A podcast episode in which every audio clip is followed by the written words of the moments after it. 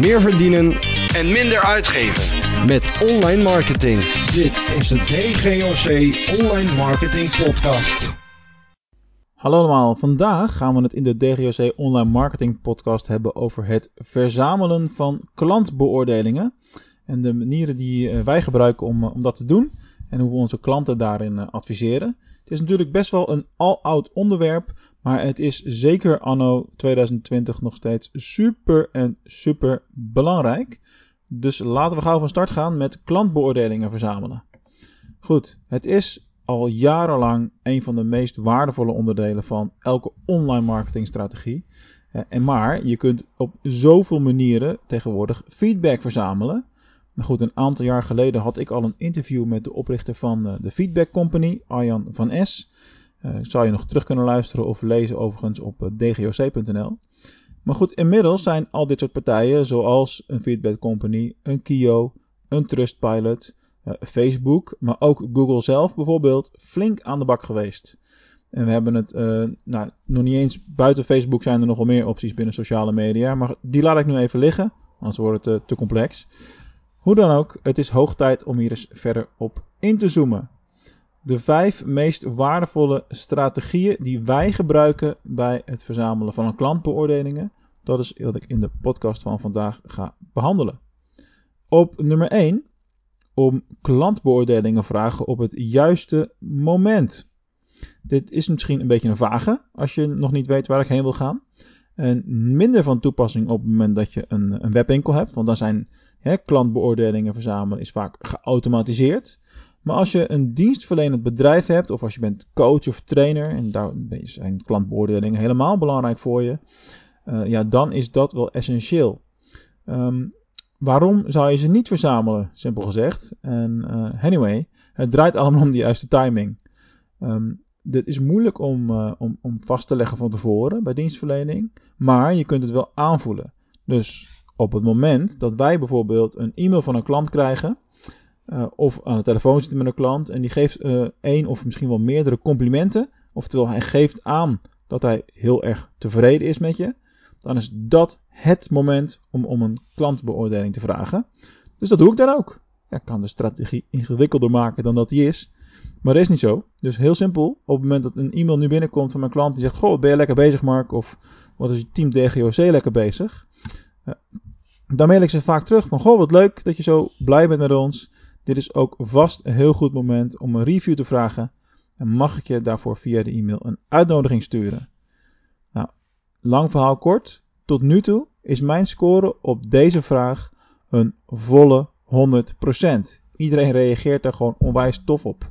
Dus waarom zou je het niet doen? Stap nummer 2, en, of tip nummer 2, strategie nummer 2, is de klantbeoordelingen verzamelen op de automatische piloot. Nou, het hangt natuurlijk een beetje van je, van je soort dienstverlening af. ehm, of je dat op die manier kunt doen. Eh, op het moment dat je dienstverlening tijdgevoelig is en je weet ongeveer altijd wel wanneer de dienst geleverd is, je kunt dat timen en dan automatisch een, eh, een beoordeling versturen of een klantverzoekbeoordeling versturen. Uh, dan moet je dat zeker doen.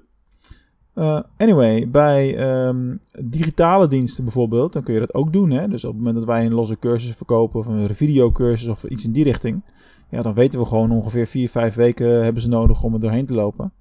En uh, ja, dan kunnen wij automatisch uh, met e-mail marketing software e-mails versturen naar die klant met een automatische opvolgmail. Dus ja, ik zou dat zeker in gaan richten. En een hele belangrijke strategie. Op dit moment overigens, als je dit doet, zou ik niet per se kiezen voor het uh, meesturen van de link van de standaard uh, klantbeoordelingswebsites die we al eerder genoemd hebben. Maar ook een klantbeoordelingen.nl bijvoorbeeld, bestaat ook nog. Maar ik zou op dit moment heel erg duidelijk kiezen voor de Google klantreview URL.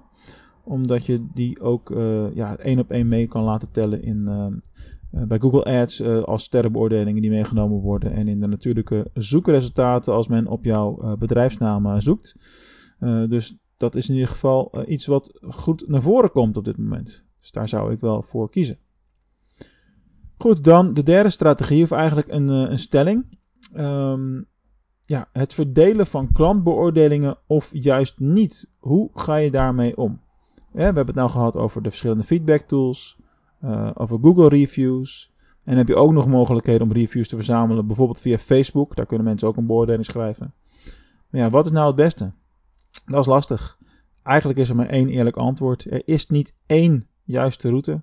Het is toch gewoon een kwestie van proactief management erop hebben, uh, keuzes maken. Goed, als we nou DGOC nog eens als voorbeeld nemen, hè, onszelf, dan zien we dat uh, Google steeds actiever is geworden. Dus daar sturen wij nu de meeste mensen heen. Dat is een van de belangrijkste. Maar we hebben ook situaties waarbij we andere dingen gebruiken. Bijvoorbeeld voor deze podcast. Hè, dan zal je zien dat na afloop van de aflevering komt er nog een kort promotiepraatje meestal.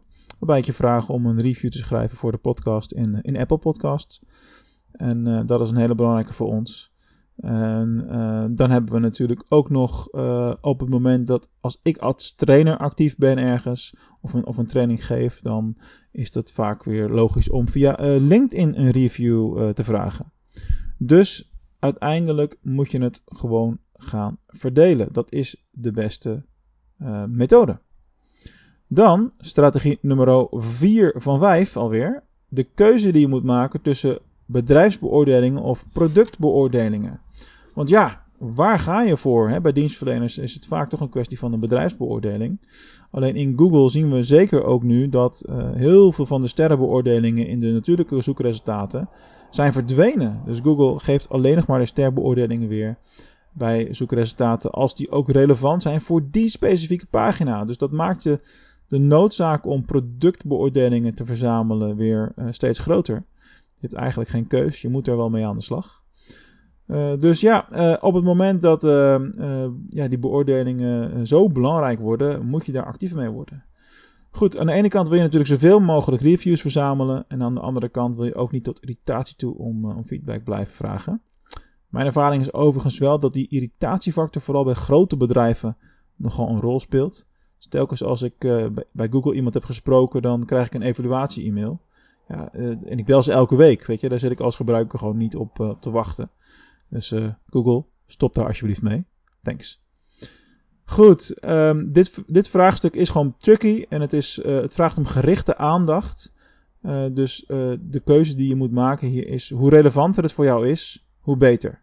Dus maak voor jezelf en voor jouw hele bedrijf heldere keuzes in wanneer je een review vraagt, aan wie en voor wat. Maak er een bewuste strategie van, een bewuste keuze. Maak het belangrijk.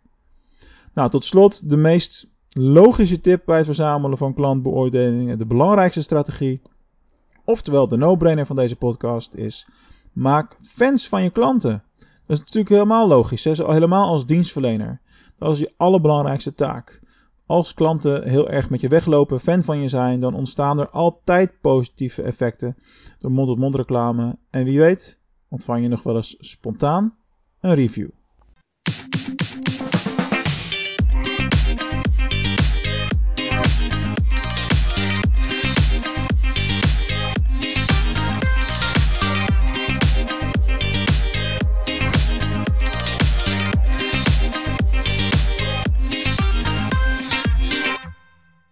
Ben jij ook zo blij met alle online marketing content die we weer aan het maken zijn voor de Online Marketing Podcast? En wil je dat ik daar nog heel lang mee doorga? Nou, dan kun je mij echt onwijs veel helpen door een review te schrijven voor deze podcast. Er zijn al een aantal mensen die dat gedaan hebben de afgelopen tijd. En ik zou onwijs dankbaar zijn als jij dat ook wilt doen. Nou, werk je met Apple Podcasts, luister je via die app, dan is het makkelijk. Ga dan naar schrijf een recensie bij de podcast zelf. En uh, geef dan ook echt een, een, in woorden aan, een stukje tekst aan, uh, wat je van de podcast vindt en hoe ik jou daarmee help. Laat het mij ook weten dat je dat gedaan hebt, dan kan ik je persoonlijk bedanken. Voor andere podcast-apps werkt het weer anders. Een aantal hebben helemaal niks. Luister je bijvoorbeeld via Spotify, wat steeds populairder aan het worden is. Dan is er nog geen optie, maar verspreid dan vooral het woord en deel de podcast met je collega's, met je vrienden en iedereen die verder met online marketing bezig is. Dankjewel en tot de volgende uitzending.